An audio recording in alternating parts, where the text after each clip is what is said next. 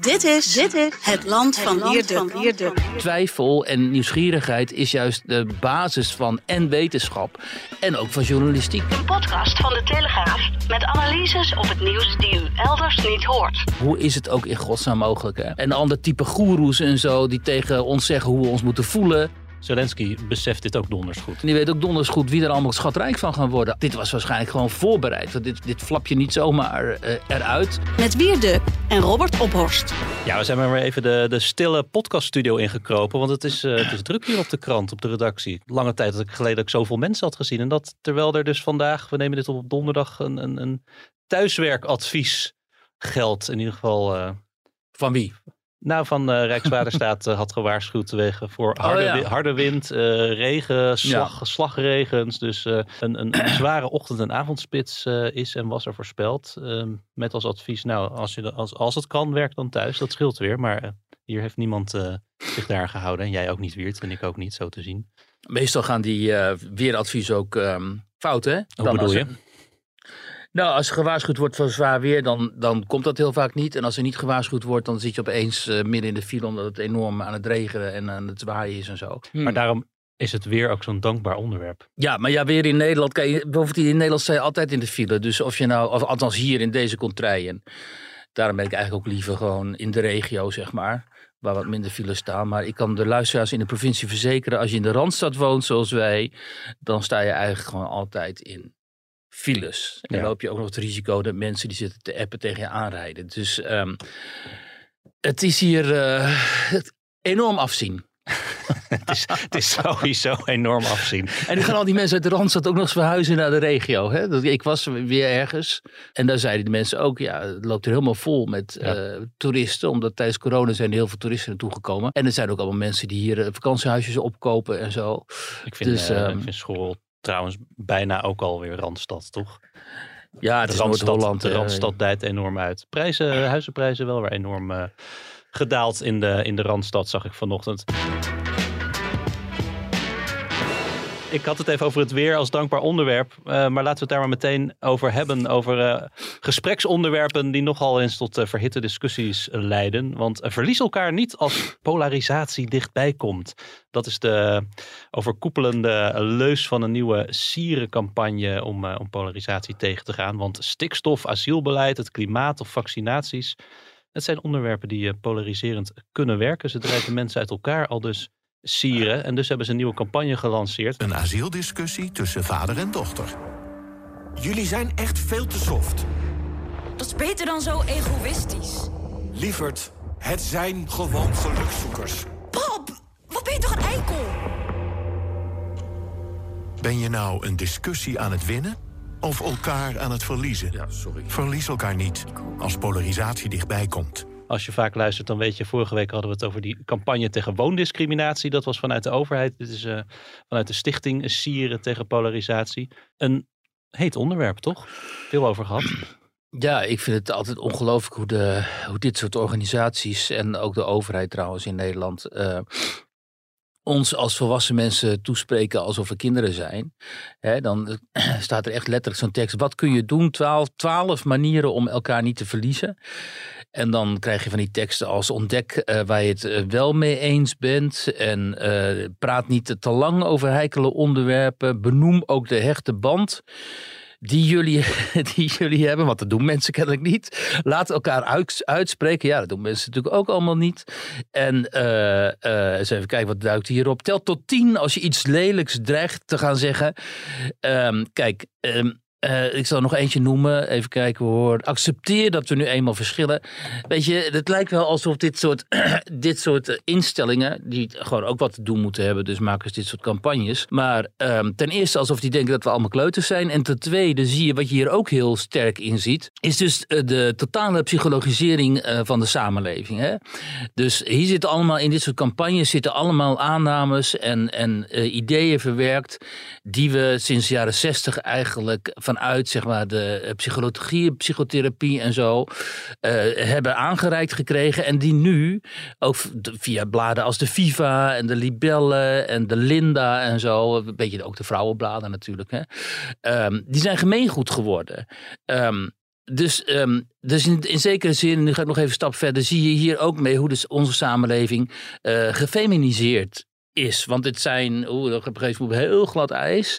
Maar dit zijn toch wel thema's die je heel veel in eh, dat type bladen en blogs en eh, internetfora en zo eh, aantreft. Mensen die gekwetst zijn, die eh, geraakt zijn door de, iemand anders mening, die niet goed kunnen omgaan met, ehm, eh, met verschillen van inzichten. Hè? En, ehm, en die daardoor, en die- dan vervolgens, eh, en dat moet dan allemaal gesocialiseerd worden, zoals het heet. En gedisciplineerd ook. Dus dan krijg je zo'n instelling zoals Sieren, die gaat er tegen ons zeggen: ja, maar weet je wel, als je dan zo'n discussie wilt voeren, pas dan op dat het niet al te hoog oploopt, de emoties. En dat moet je, op zo, op- dat moet je dus op deze manier doen. Ja. Dat komt dus helemaal uit het veld van ja, de psycho, eh, psychogogen. Het zijn niet eens de psychologen, maar de psychogogen, zeg maar. En een ander type goeroes en zo, die tegen ons zeggen hoe we ons moeten voelen. Hoe we ons te voelen hebben in bepaalde situaties. Welke emoties wel toereikend zijn en welke niet. En dat, zit niet, dat is niet altijd slecht hoor. Ik bedoel, ik zie bij de jongere generatie bijvoorbeeld een veel groter bewustzijn van hoe je met elkaar omgaat. En hoe je een beetje verantwoordelijk en volwassen met elkaar omgaat. Dan eh, in mijn jeugd het geval Ja. was. Dat was veel harder.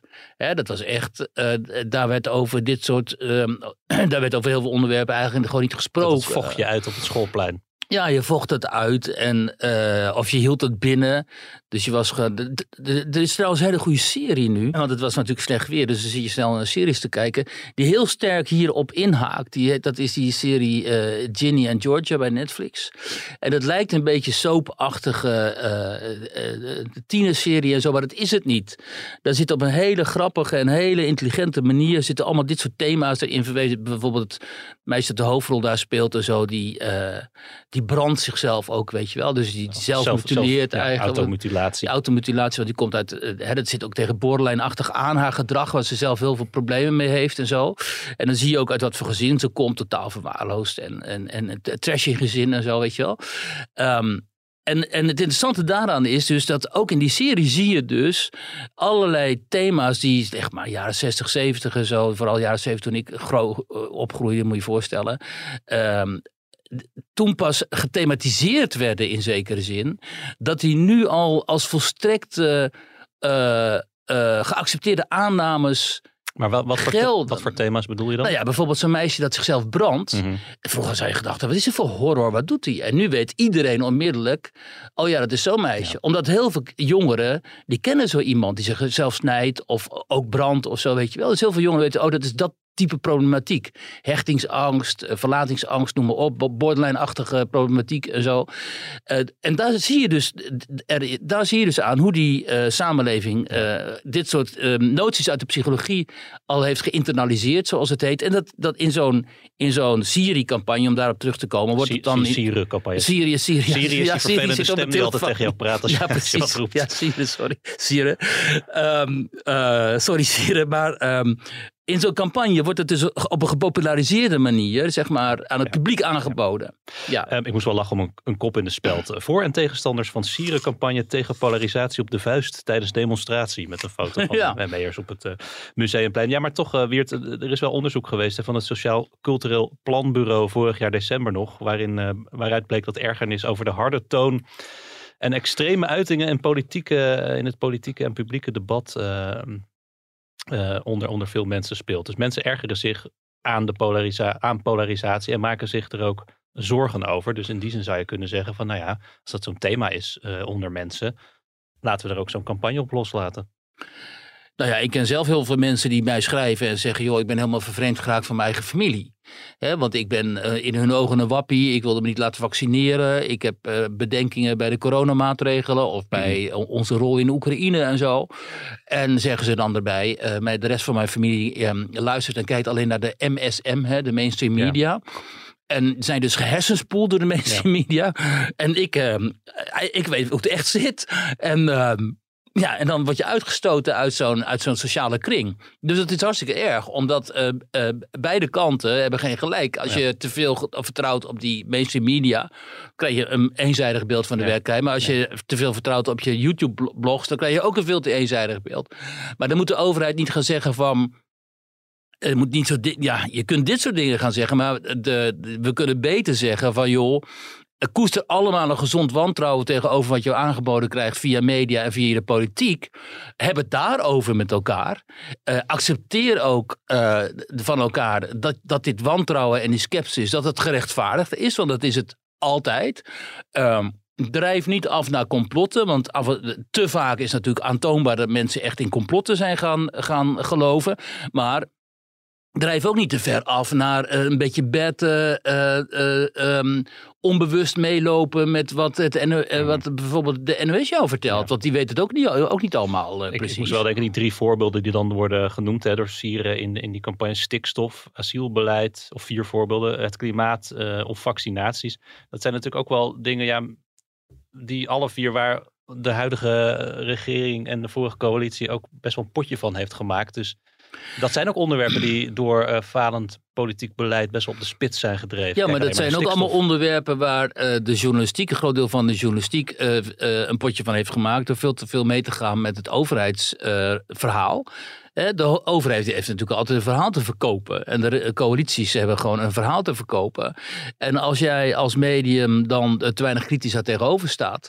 En eh, te, weinig, te weinig de vraag stelt van joh, dat stikstofbeleid. eh, waarom zijn we daar zo uniek in, in Europa bijvoorbeeld? Of die laatste lockdown. Hè, was dat wel gerechtvaardigd eigenlijk? Of Oekraïne, hoe is nou precies de totstandkoming van het conflict? Hoe heeft dat er nou precies uitgezien? Wat is de rol van het Westen daar? En ja, ik zeg het hier al vaker. Ik heb af, eh, in andere landen zie je die discussie toch veel meer ook publiekelijk gevoerd worden. Ik zag van de week nog op de Duitse tv gewoon heel duidelijk een manier eh, iets zeggen over Oekraïne. Wat in Nederland, eh, als je dat in Nederland op de tv zegt, dan, ehm, dan verdwijn je uit de Rolodex van de redacties, Ja. weet je wel. Ja. En het is gewoon een hoogleraar die daar zegt van joh, sorry, maar de Russen, hè, ondanks dat ze daar dood aan verderf aanrichten, dat staat buiten kijf. En het is een, die disclaimer moet je er altijd bij zeggen, maar in hun analyse eh, zitten ook dingen waarvan je kunt zeggen, ja, daar hebben ze eigenlijk wel een punt. Nou, dat kun je in Nederland gewoon niet meer zeggen. En eh, net zo over, eh, ik ben nu bezig met een verhaal over de oversterfte, bijvoorbeeld voor zaterdag. Nou, het is toch van de gekke dat je in Nederland nauwelijks het, de vraag op kunt roepen, die oversterfte en het feit dat we nog steeds niet weten waar die vandaan komt. Hoe kan dat nou eigenlijk? Omdat, omdat, omdat dat leidt alleen maar tot een toename van wantrouwen bij heel veel mensen. Die zeggen, ja, die oversterfte, dat komt natuurlijk door de vaccinaties. Nou, dat hoeft helemaal niet het geval te zijn. Maar je moet het in ieder geval willen uitzoeken, eh, lijkt mij. En je moet het erover kunnen hebben. Ja, je moet erover kunnen hebben. En als je het erover hebt, eh, zonder dat je eh, loopt te schelden en te tieren, wat in Nederland ook veel te veel het geval is, dan kun je het toch gewoon op een beschaafde, intelligente manier over hebben. En dan hoef je toch ook niet binnen je eigen familie of je vriendenkring eh, enorm te polariseren en uit elkaar te, te groeien. Ik zou willen dat iedere burger een soort van kritisch kompas heeft en denkt van ja, klopt dit wel? Hè? En, ehm, maar je moet ze de handvaten, wij journalisten moeten die mensen de handvaten reiken om met die skepsis om te kunnen gaan zonder dat ze, wat ik al eerder zei, afdrijven naar een omgeving waarin ze weer, weer alleen maar bevestigd worden, maar nu door de Willem Engelsen zo van deze wereld in dat we eigenlijk allemaal in een complot zitten en dat de overheid zich tegen ons gericht heeft. Zo. Wat natuurlijk niet zo is. Dus het probleem is, mensen hebben altijd enorm behoefte aan zekerheid. En die kunnen heel moeilijk met twijfel omgaan. Terwijl juist twijfel en nieuwsgierigheid is juist de basis van en wetenschap en ook van journalistiek. Ik, ik vermoed dat veel mensen van zichzelf wel vinden dat ze kritisch en eh, Ja, maar dat genoeg, zelf, genoeg, aan, en genoeg zelftwijfel aan de dag leggen. Ja. Maar vaak anderen verwijten. Wel een mooi bruggetje naar ons eh, volgende onderwerp. Discussies aan de talkshowtafel. Oh ja. Want dit was eh, afgelopen vrijdag in op één. Als u nu toch al bezig bent hè, met zo'n eh, zo'n brief eh, in de Volkskrant... eh, om dus eigenlijk een, een einde te maken aan dit soort regimes... laten we dan even naar Palestina kijken. Het, eh, het apartheidsregime van Israël. Komt er ook een open brief Israël, eh, Israël is geen apartheidsregime. Israël is een, multi- jegens de Palestijnen? is een multiculturele, multireligieuze samenleving... waarin Arabieren, Joden, Christenen, Druzen samenleven. En wat een voorbeeld is voor het Midden-Oosten. Er is een probleem op de Westbank. En dat is een territoriaal probleem.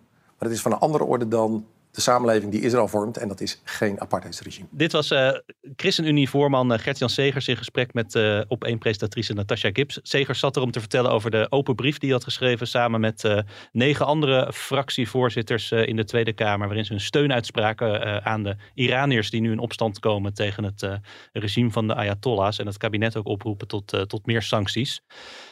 Die discussie belandde opeens op het onderwerp Israël. Nou, goed toch dat dat dan besproken kan worden, Wiert? Jij dacht, uh, ik speel even de advocaat van de duivel. Ik dacht, ik heb hier een, een rap, ja. lap rood vlees, die, die ja, gooi ik even de arena in. Nu ik dit uh, fragment weer terughoor, denk ik nog, de, no, nog sterker van hoe is het ook in godsnaam mogelijk. Hè? Wat ik wel, wel opvallend vond, ik, ik, ik kijk eigenlijk nooit op één. Dus ik, ik moet ook toegeven dat ik deze hele uitzending niet heb teruggekeken. Maar de discussie ging ook helemaal niet over Israël natuurlijk. Dus het nee, werd er ook uh, een beetje ja. opeens bijgesleept. En wat hier er, gebeurt ze hadden is... dat ook wat van tevoren bedacht volgens mij om het hier ook nog even over te gaan hebben. Ja, dat is op die redactie is natuurlijk besproken. Maar, hè, maar wat hier gebeurt is dus een aantal dingen. Um, en of dat nou gewoon met ongeïnformeerdheid, domheid of kwade trouw te maken heeft, ja, dat is de vraag. Maar zij heeft het dus over een regime. Nou, een regime is sowieso al niet een democratie. Hè? Want dat is per definitie een regime autoritair. Uh, althans, in die zin gebruiken wij die, uh, die term. Vervolgens, um, en het Israëlische regime bestaat niet. Je hebt de Israëlische uh, politiek. Daarbinnen heb je de uh, parlement en regering. En uh, Israël is een democratie. Dus vanuit democratische verkiezing komt daar een regering tot stand. Iran is een theocratie en die hebben inderdaad een regime. He, net zoals dat Rusland nu een regime heeft met Poetin ja, en noem maar en, op. En bovendien een regime waar nu al maandenlang mensen worden ja, daar gaan we het zo over opgehangen, gemarteld. En vervolgens zegt ze niet alleen over Israël dat het een regime is, maar dat het een apartheidsregime is. De apartheid suggereert dus een politieke keuze voor uh, uh, de, de, zeg maar het, het privileges schenken aan bepaalde bevolkingsgroepen ten opzichte van uh. En nu kun je wat zeggen zegt van alles zeggen over Israël. Maar in dat parlement zitten gewoon Druzen, Arabieren, uh, Joden, noem maar op. In die samenleving uh, werken ook gewoon Arabieren. Dus dat, dat is dus per definitie wat, wat, wat zij hier zegt. Klopt niet. En dan. Um, dus de, verontwaardiging van Segers en de onderbouwing van, uh, van zijn tegenverweer, uh, dat klopt dus allemaal. Dus we moeten blij zijn dat Gert-Jan Segers daar zat. Uh, en niet iemand van B1 of Denk die het ongetwijfeld met haar eens zou zijn geweest, waardoor dan vervolgens op de publieke oproep een situatie zou zijn ontstaan waarin, ontstaan waarin dus een presentatrice een heel bedenkelijk frame op Israël legt. Ook totaal out of the blue, zoals jij zegt, want het ging niet over Israël, het ging over Iran. En als je dan uh, als je dan andere regimes vergelijkbaar met Iran uh, op tafel wilt leggen, noem dan uh, Noord-Korea of een ander type hè, dictatuur. Of Saudi-Arabië desnoods, wat ook in heel veel opzichten een theocratie is. Um, denk ik dan in ieder geval geen democratie. En um, maar ze noemen Israël, dus dat is bewust. Dat is dus bewust omdat in het hoofd van deze presentatrice, en overigens haar collega deed er flink aan mee, zit dus de gedachte dat Israël het, een van de meest verderfelijke landen ter wereld is. Ja, van, als je het over Iran hebt en, en het moorddadige regime wat daar nu uh, aan de macht is, dan is het logisch dat je het ook over Israël gaat hebben. In hun wereld is het dan logisch dat je dus even het over Israël gaat hebben. En dan, dan moet je dus na gaan denken, wat gebeurt er nou in dat hoofd? Heeft het nou te maken met het feit dat Iran dan ook een islamitisch land is? En dat, uh, en dat in onze beleving, althans in de beleving van linkse Nederlanders, islamieten vaak in de slachtofferrol functioneren. En dat we dan moeten laten zien dat er ook daders zijn. En dan hè, die moslims zeg maar onderdrukken. En dat gebeurt al specifiek in Israël. Hè, waar maar dat heeft niks te maken met de Palestijnse moslims. Want in, in Iran is een heel ander type uh, islam. Uh, maar misschien weten ze dat niet. Het is dus een soort van makkelijke uh, reflex. Um, en en die wordt dan ijskoud gewoon in zo'n heel belangrijk, belangrijke talkshow wordt die uitgespeeld, uh, die reflex, hè, tot verbijstering van heel veel mensen. Maar niet alleen tot verbijstering, ook um, tot goedkeuring van heel veel mensen van mij op. Want als ik kijk naar die sociale media en zo, zijn er dus heel veel mensen, ook intelligente mensen, die zeggen, ja maar ze heeft toch gelijk, het is toch een apartheidsregime. Maar dat kun je helemaal niet zeggen. Ik bedoel, die, snappen die mensen dan niet wat journalistiek is? Je komt destijds had je de junta in Argentinië of de militaire junta in Brazilië. Dan kun je zeggen, ja, dat is een junta. Dat is ook per definitie, was dat zo. Er was een coup gepleegd. Er zaten kolonels of andere officieren aan het bewind. Dat was een junta. Rusland is nu een autoritair regime richting dictatuur nog niet echt, hè? maar het is zeker nu een autoritair. Dat kun je dus zeggen als je die vraag stelt. Maar je kunt niet over Israël zeggen, wat een de- aantoonbare democratie is, Ja. dat dat een apart, apartheidsregime is. En nu wordt. eh, eh, die presentatie wordt nu ook verdedigd door BNN-Vara, Ja, wil ik zeggen, want officieel. jij zegt van eh, begrijpen die mensen dan niet wat eh, journalistiek is, wat goede journalistiek is. Er zijn een hoop klachten binnengekomen bij de NPO-ombudsman, vooral ook na een oproep van columnist Jan Dijkgraaf. Ehm, maar inderdaad, eh, dan, dan wordt dat voorgelegd aan omroep BNN-Vara. Die mogen daar dan eerst op reageren, eh, op, op die klachten. En ehm, eh, die vinden dat, dat de uitlatingen van Kips over, over Israël, en dan citeer ik, voldoende steun in feiten en actualiteit hebben. Zij baseerde haar uitspraken onder meer op rapporten van Human Rights Watch, Amnesty International en de Verenigde Naties. Zo liet de omroep donderdag aan het ANP weten. Dat is toch onvoorstelbaar. Dat zijn dus allemaal gewoon eh, organisaties die een belang hebben hierin. Die eh, vaak hebben aangetoond bias te zijn. Als je gaan zeggen, BNN-Varen zou ook kunnen zeggen... op basis van het aantal resoluties over Israël in de Verenigde Naties... heeft Natasha Gibbs een punt. Want over geen enkel land worden zoveel resoluties aangenomen als over Israël. Hoe komt dat? Omdat een heel groot deel van die Verenigde Naties, die landen die daar zitten... zijn zwaar eh, anti-Israël en, eh, en in hun cultuur zwaar antisemitisch vaak. Dus eh, die veroordelen Israël vaker dan dat ze Noord-Korea veroordelen. Weet je wel? Wat ook een godspe is natuurlijk om eens maar eens in, het, hè, in, de, in de sfeer te blijven. Dus ehm, dat de BNN-Vara dit doet is misschien aardig om, omdat ze dan daarmee hun eigen werknemer eh, steunen. Maar dat klopt natuurlijk van geen kant. Eh, en nu eh, komt dus de kwestie, als eh, ongehoord nieuws of ongehoord Nederland veroordeeld wordt vanwege eh, nalatigheid in hun journalistieke aanpak, dus op basis van schending van journalistieke codes, dan zou BNN-Vara ook eh Ja, en berispt dat was ook moeten het worden. punt van Dijkgraaf bij zijn oproep om, om, om te klagen. Ja, en dan sturen dus heel veel mensen op basis van het briefje van eh, Jan Dijkgraaf een, eh, deze zeg maar, modelklacht eh, naar de ombudsman. En dan zeggen ze bij de ombudsman en bij de omroep zeggen ze we krijgen veel te veel van dit, dezezelfde klacht binnen. En het zijn allemaal klachten uit het veld van Forum van Democratie en Ongehoord Nederland. Nou ja, als je nog meer bewijs wilt van eh, de politieke kleur van die eh, publieke omroep waar we met z'n allen voor betalen, dan, eh, dan is het moeilijk zoeken, denk ik. Want in dit geval is het toch wel heel pregnant aanwezig en ook gewoon zichtbaar. Ja. Goed, aan, aan tafel verweerde Segers zich, zich krachtig en, en helder. Denk jij dat er toch door deze uitzending nog een, een discussie op gang is gekomen over dit onderwerp? Of graaft iedereen zich in in zijn eigen schuttersputje? Nou, ja, die discussie die komt ook niet op gang. Omdat inderdaad die mensen die eh, zeg maar vinden dat eh, Israël anti eh, een uh, apartheidstaat is. Die zijn daarvan zo overtuigd. En Israël maakt het dus zijn medestanders natuurlijk op dit moment ook helemaal niet makkelijk. Gezien de types die nu daar in de regering zitten en zo. Um, maar dan nog moet je wel zuiver blijven in je analyse. En kijk, veel van wat daar gebeurt ook. Hè, als je dat ziet, ook die filmpjes en zo. Hoe daar vaak met Palestijnen wordt omgegaan. Hoe mensen worden, worden vernederd en zo. Ja, dat deugt natuurlijk ook van geen kant. Uh, vaak. Dus daar is zoveel haat wederzijds. En ook zoveel haat vanuit uh, Israëli's naar Palestijnen. Maar goed, omgekeerd ook. Maar goed, dat is een onoplosbaar conflict geworden zo langzamerhand. Alleen op basis van wat je daar ziet en van wat daar gebeurt, mag je nog niet dit soort verregaande conclusies. Mag je wel zeggen, als je daar te gast bent. Als jij te gast bent en je zit daar voor Denk of zo, bijeen. Als Sylvana Simons daar zit. Natuurlijk kan die zeggen, ja, apartheid staat. En dan kan Zegen zeggen, ja, flauwekul. Maar je hebt daar de rol van, om dit te modereren. Je bent, daar, je bent daar in je rol van presentator. Dan moet je de vraag stellen, is Israël misschien een apartheidstaat? En het feit, kijk, een beetje sneu van Natasja Gibbs, omdat zij zo de hele tijd op haar falie krijgt. En het gaat ook niet om haar. Het gaat om de mentaliteit die kennelijk gemeengoed is geworden in die kringen, waardoor iemand die zo'n programma presenteert en zo'n prominent programma, denkt dat het geen enkel uh, bezwaar is om op deze manier over Israël te spreken. En binnen die redactie kennelijk ook niet, want inderdaad, zoals jij zegt, dit was waarschijnlijk gewoon voorbereid. Want dit, dit flap je niet zomaar uh, eruit.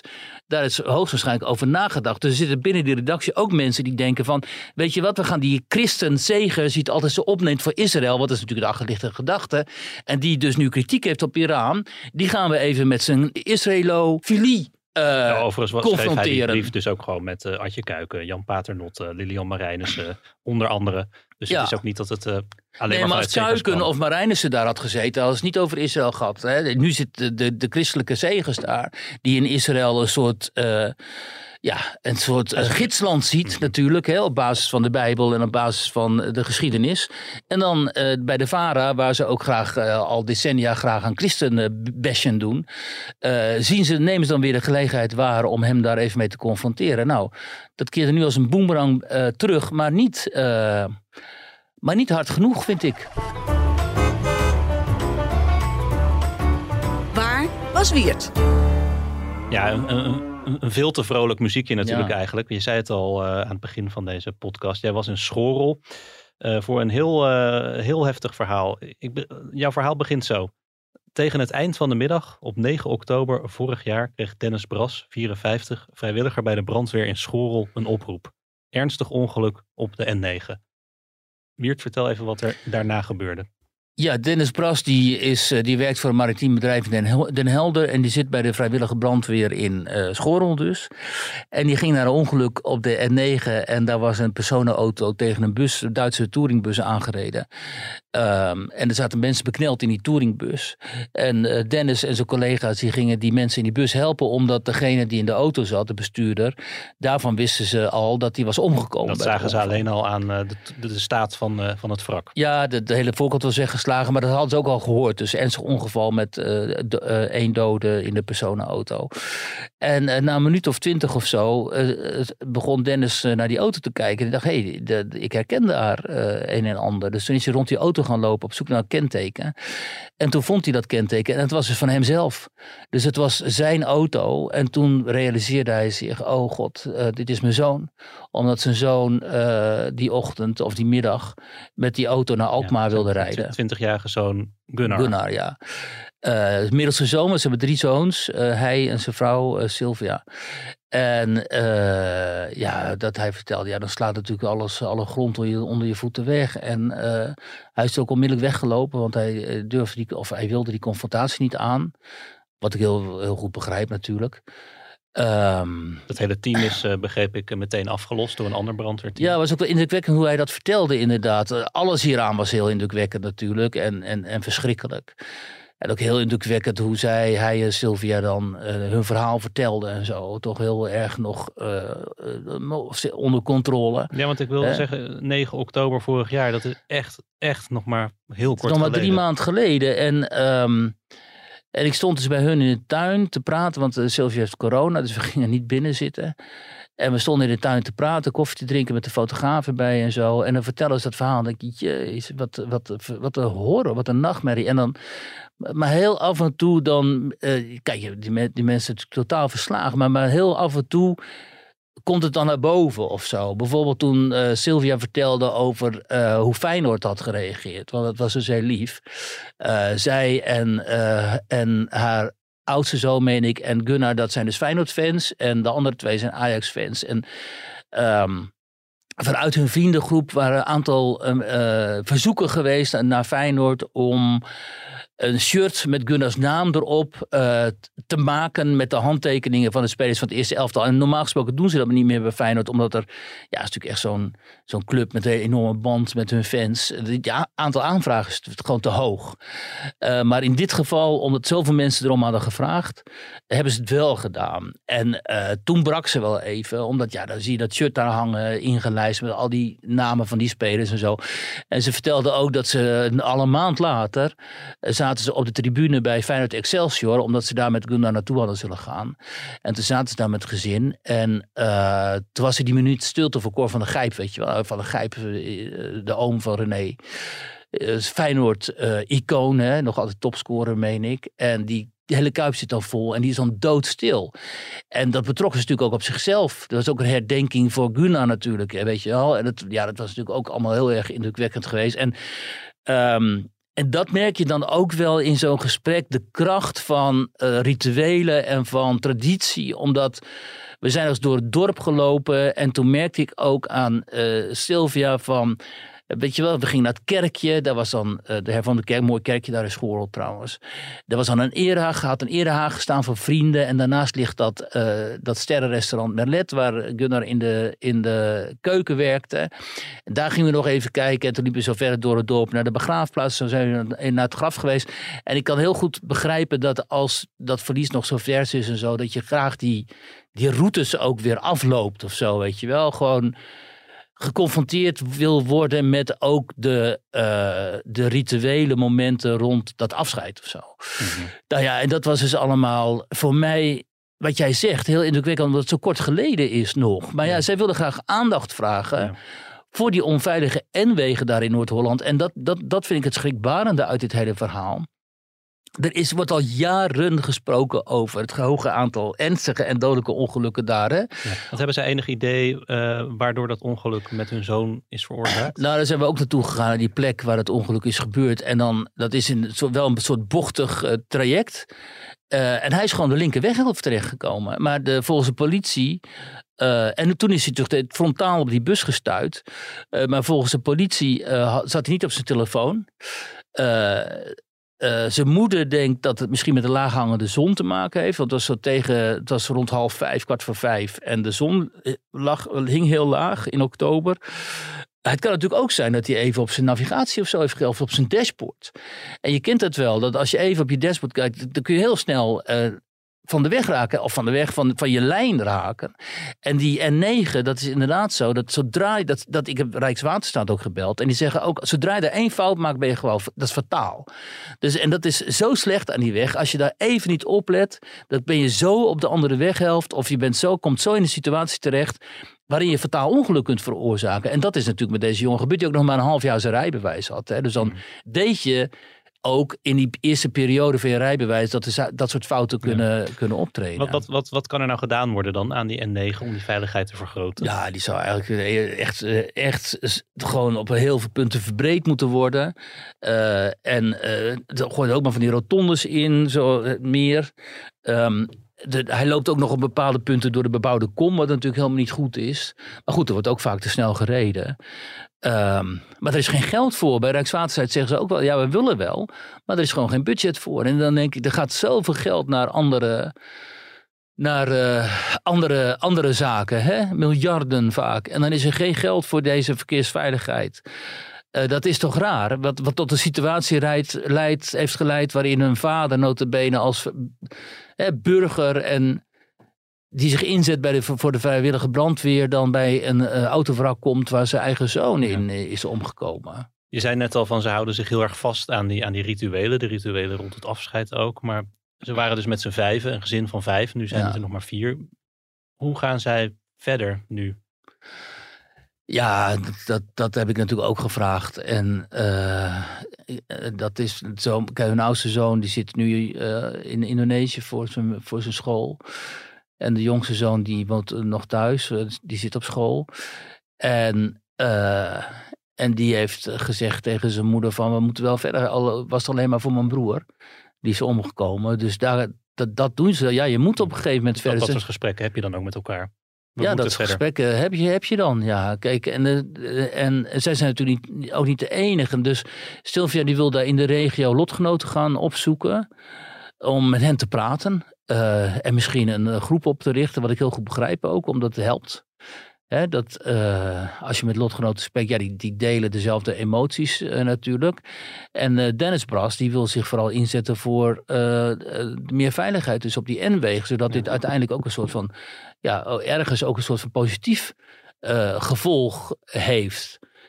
Um, ik denk dat in dit soort gevallen um, dat het altijd heel belangrijk is om erover te blijven praten eigenlijk. Hè? En het niet, niet te verdringen, maar gewoon uh, dat, dat op die manier een, eh, een plek te, te geven. Blijft, eh, blijft dat Dennis wel eh, bij de brandweer werken? Want die kan bij wijze van spreken morgen weer worden opgeroepen voor zo'n Ja, dat heb ik niet gevraagd. Dat weet ik eigenlijk niet. Hij is op dit moment natuurlijk ook niet aan het werk. Dus hij is eh, nog vrij, vrijgesteld van werk. Ik kan me voorstellen dat, dat je dan zegt van ja, laat, laat ik dit maar niet meer, Ja. eh, laat ik dit maar niet meer gaan doen. Ja, een ontzettend dramatisch en indringend verhaal dus. Maar ook een, eh, ja, toch ook een, een, een, een, mooi verhaal eh, in zekere zin. De manier Nou, waarop deze mensen tegen hun. vertellen. Dat zei ik ook tegen hem, want dat vertelde ze ook. Het heeft zoveel eh, warmte hen ook gebracht. Al die nu ook, eh, Dennis schreef me vanochtend allemaal reacties van mensen en zo. Die zeggen, ja, ik heb Gunnar gekend. En het was toffe, toffe gozer en zo, weet je wel. Mensen van wie je helemaal niet wist dat, dat, dat die er waren. Dus eh, rond zo'n ramp ontstaat ook vaak wel iets moois of zo. Maar ja, dat neemt natuurlijk het gemis niet weg. Maar het is natuurlijk wel fijn eh, voor hen, denk ik, eh, om te weten dat ze zo in die gemeenschap, door die gemeenschap gedragen worden, laat ik het zo zeggen. European politics is already headed towards lowering the consumption of non ecological energy resources. But the Russian aggression against Ukraine and against everything on which European life is founded on is an argument for speeding up the green transformation on the continent. Europe has to stop buying Russian oil, to stop as soon as possible. Only the crazy profits from energy resources allow the leadership of Russia to be so audacious. Ja, very good to discuss Ukraine's green reconstruction plans and European future with President Zelensky in Kiev today. Dat waren de opgetogen woorden van eh, Frans Timmermans deze week. Die was, eh, die was op bezoek in Kiev dus bij, bij Zelensky. Om te praten onder andere over de, de Europese Green Deal. Want eh, Oekraïne is een belangrijke partner voor Brussel. Althans, zo zien ze dat in Brussel in die, in die Green Deal. En nog even voor de duidelijkheid. De Green Deal is dus dat pakket eh, beleidsinitiatieven eh, dat de EU moet helpen om in eh, 2050 al klimaatneutraal te zijn. Dus we vechten daar niet alleen tegen de Poetin, we vechten ook eh, voor onze Tegen de fossiele industrie. ja, komt het daarop neer? Nou ja, het is, eh, als je dat ziet, dan zie je dus eh, eh, Timmermans daar binnenkomen. Bij Zelensky in een, bij, in een land in oorlog en dan dit soort, eh, dit soort retoriek uitslaan op Twitter. Dan denk je, hoe is toch in vredesnaam, waar, in wat voor werkelijkheid leeft eh, deze man? ja, toch hè? is het opvallende wel dat Zelensky ook vaak dat soort retoriek Nou, uitslaat. kijk, daar gaan we op komen. Kijk, in de, in de eerste instantie denk je wel afgrijzelijk. Hè? Timmermans die dan ook dit conflict aangrijpt om zijn nieuwe Green Deal te promoten. En dan over de ruggen van zoveel dode Oekraïnse jongens en mannen en zo. Althans, dat, zo komt het dan over. En hoe kan Zelensky in godsnaam nog nu belangstelling hebben en energie voor eh, die Green Deal van Timmermans, die ook ons overigens op enorme kosten jaagt. Want daar in Brussel zitten Timmermans en Samson notabene met z'n tweeën. Dit groene beleid eh, eh, te, uit, te, uit rollen. Waar de gemiddelde Nederlandse burger krankzinnig veel geld voor gaat betalen. Maar als je dan verder duikt in het conflict. Dan zie je dat dit ook een conflict is om hele zeldzame grondstoffen. Die de, eh, de Green Deal en de verduurzaming moeten eh, versnellen. Kijk, kort gezegd komt het erop neer. eh, Rusland is een oude moloch, een reus in de fossiele brandstofverstrekking. Hè, eh, olie, eh, gas.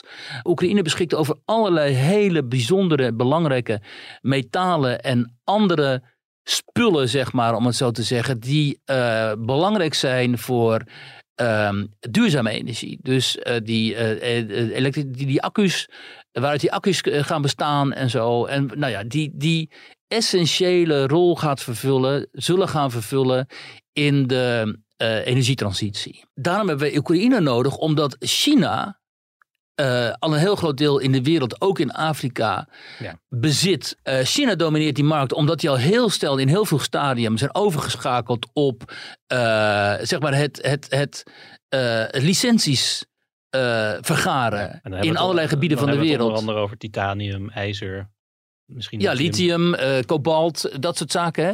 Ehm, en China heeft het al heel snel begrepen en is in Afrika, zoals mensen wel weten waarschijnlijk, heel snel begonnen om daar die mijnen of licenties voor die mijnen en zo te verkrijgen en ze misschien ook wat te kopen, dat weet ik niet precies.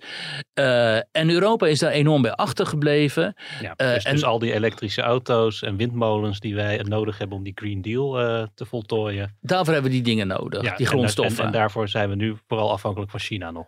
Ja, daarvoor zijn wij te veel afhankelijk van China. En Oekraïne kan ons, als Oekraïne bij Europa komt, bij de EU, kan ons voor een heel groot deel daarin voorzien. Ik las iets van de 120 vitale dan, zeg maar, eh, elementen die we dan nodig hebben voor die verduurzaming. Hebben zij er iets van 117. Die zitten met name daar in die Donbass. Dus in het gebied wat de Russen ook eigenlijk claimen als uh, van hen. Is, Dus- is het Rusland daar ook eh, deels om te doen? En Rusland is het daar natuurlijk ook om te doen, omdat Rusland wil op den duur zelfvoorzienend zijn. En die weten, snappen ook wel, we kunnen niet de rest van de komende eeuwen afhankelijk zijn van, olie en gas. Want vanuit de wereld gaat daar ook minder vraag naar zijn. Dus, en we hebben op zichzelf hebben ze al veel van die grondstoffen. Maar in die, die Donbass, dat komt er natuurlijk verschrikkelijk goed uit als zij die zouden beheersen en niet wij. Dan winnen ze gewoon die, die concurrentie met Europa. Dus als mensen nog illusies mochten hebben over dat dit allemaal gaat over eh, democratie tegen onvrijheid en zo.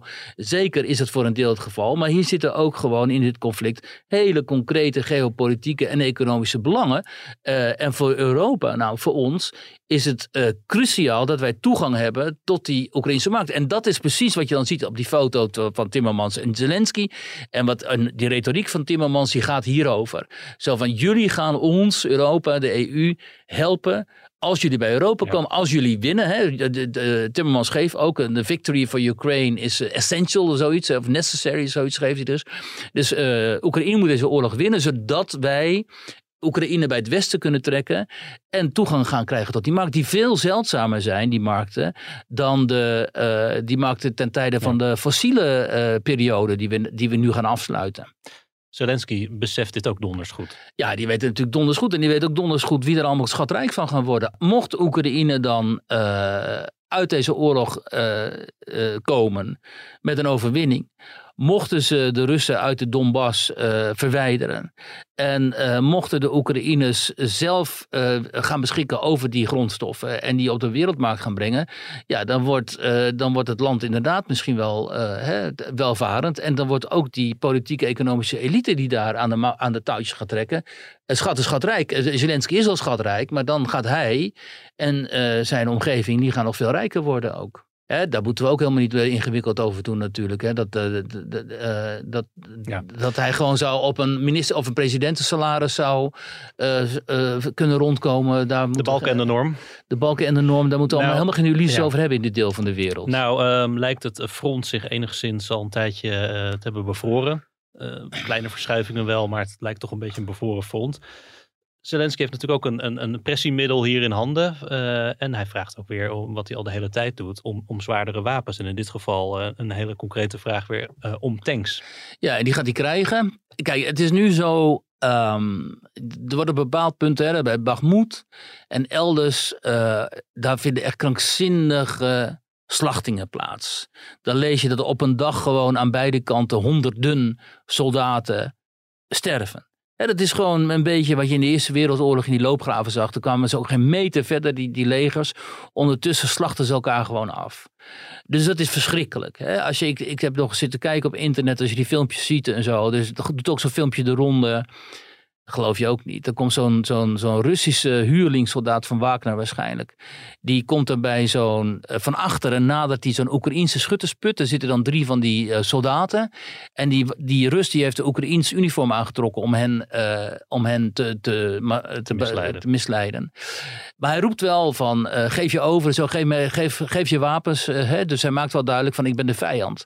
Maar die jongens die zitten, want je hoort ook, het is enorm spervuur daar speelt zich af. Ja, ik het filmpje wel onder de, de link op Twitter zetten.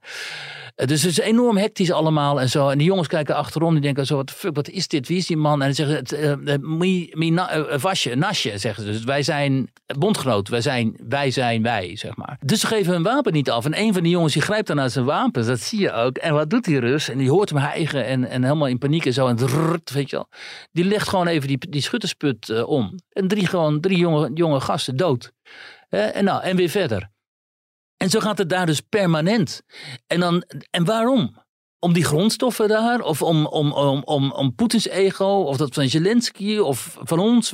Waar, gaat dit nog over? En, ja, dan, en dan word ik heel kritisch omdat ik te veel oorlogen eh, heb gezien. En heb gezien dat eh, normale burgers en jonge jongens op het slagveld hier het, slachtoffer, hier het slachtoffer van worden. En ofwel gedood worden of verminkt verder door het leven moeten met één been of één arm. Uh, of kapotgeschoten. Hè, en die gezinnen helemaal kapot en zo. Uh, vanwege uh, machthebbers die zo het haantje moeten ja, uithangen. Ja. Hè? En dan en dan, dan, zie ik ook die reflexen al bij ons in het parlement. Hè. Ik noem altijd die Sjoerd maar als de, de, grootste voorstander van het sturen van wapens en zo. Dan denk ik, joh, ga zelf één keer uh, een dagje mee naar Bagmoed of zo. Hè. Nee. Ga er even rondlopen dan, als je zo dapper van, bent. Uh, het, het, is daar nu zo verschrikkelijk. Dat, dat, ze hebben elkaar een soort, een soort burgergreep daar. Geef die wapens, zodat Oekraïne die Russen verder terug kan Nou, dat kun je zeggen. Het is twee dingen. Of je moet zeggen, oké, okay, stuur al die, godsnaam al die wapens dan. Hè? En, en, want als ze die, die wapens hebben, dan kunnen ze ongetwijfeld die, die, die Russen daar gewoon afslachten. Want die wapens zijn zoveel beter dan wat de Russen hebben. Uh, en Poetin in zijn hok, misschien.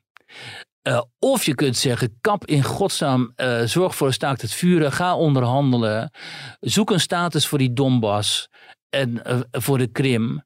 Um, en, en ga ervan uit dat of, zeg ook tegen Poetin van, als je nog één meter, één meter die grens die we nu hebben bereikt overschrijdt, dan gaan we je echt helemaal, dan grijpt de NAVO gewoon in. Hè? Want het punt is de hele tijd, als je pleit voor, voor een wapenstilstand of een, of een akkoord, dat mensen dan zeggen, ja, maar dan geef je Poetin gelijk. Hè? Dan gaat hij de Baltische landen aanvallen of Polen, maar daar heeft hij helemaal niks te zoeken.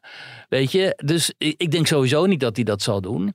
Maar je kunt natuurlijk ook zeggen: oké, maar we gaan een akkoord sluiten. We dwingen hen naar de onderhandelingstafel. China dwingt Rusland. Wij, Verenigde Staten, vooral dwingen Zelensky. Er gaat een akkoord komen. En we zeggen tevens tegen Poetin, ook de Chinezen. Eén stap en je bent gewoon de klos. We sluiten je volledig uit uit het internationale uh, discours uit internationale organisaties, wat nu eigenlijk voor een deel al gebeurt. En ook China moet dan zeggen, omdat die Chinezen ook echt wel balen van de Russen, ook China moet dan zeggen, um, dan is het echt einde verhaal ook voor jou. Uh, maar dat gebeurt niet. Dus er zijn allemaal belangen, te grote belangen hier, die spelen, waardoor dit maar doorgaat en doorgaat. Allerlei totaal zinloze acties daar plaatsvinden, waardoor weer heel veel jonge mannen en jonge jongens daar uh, gedood worden.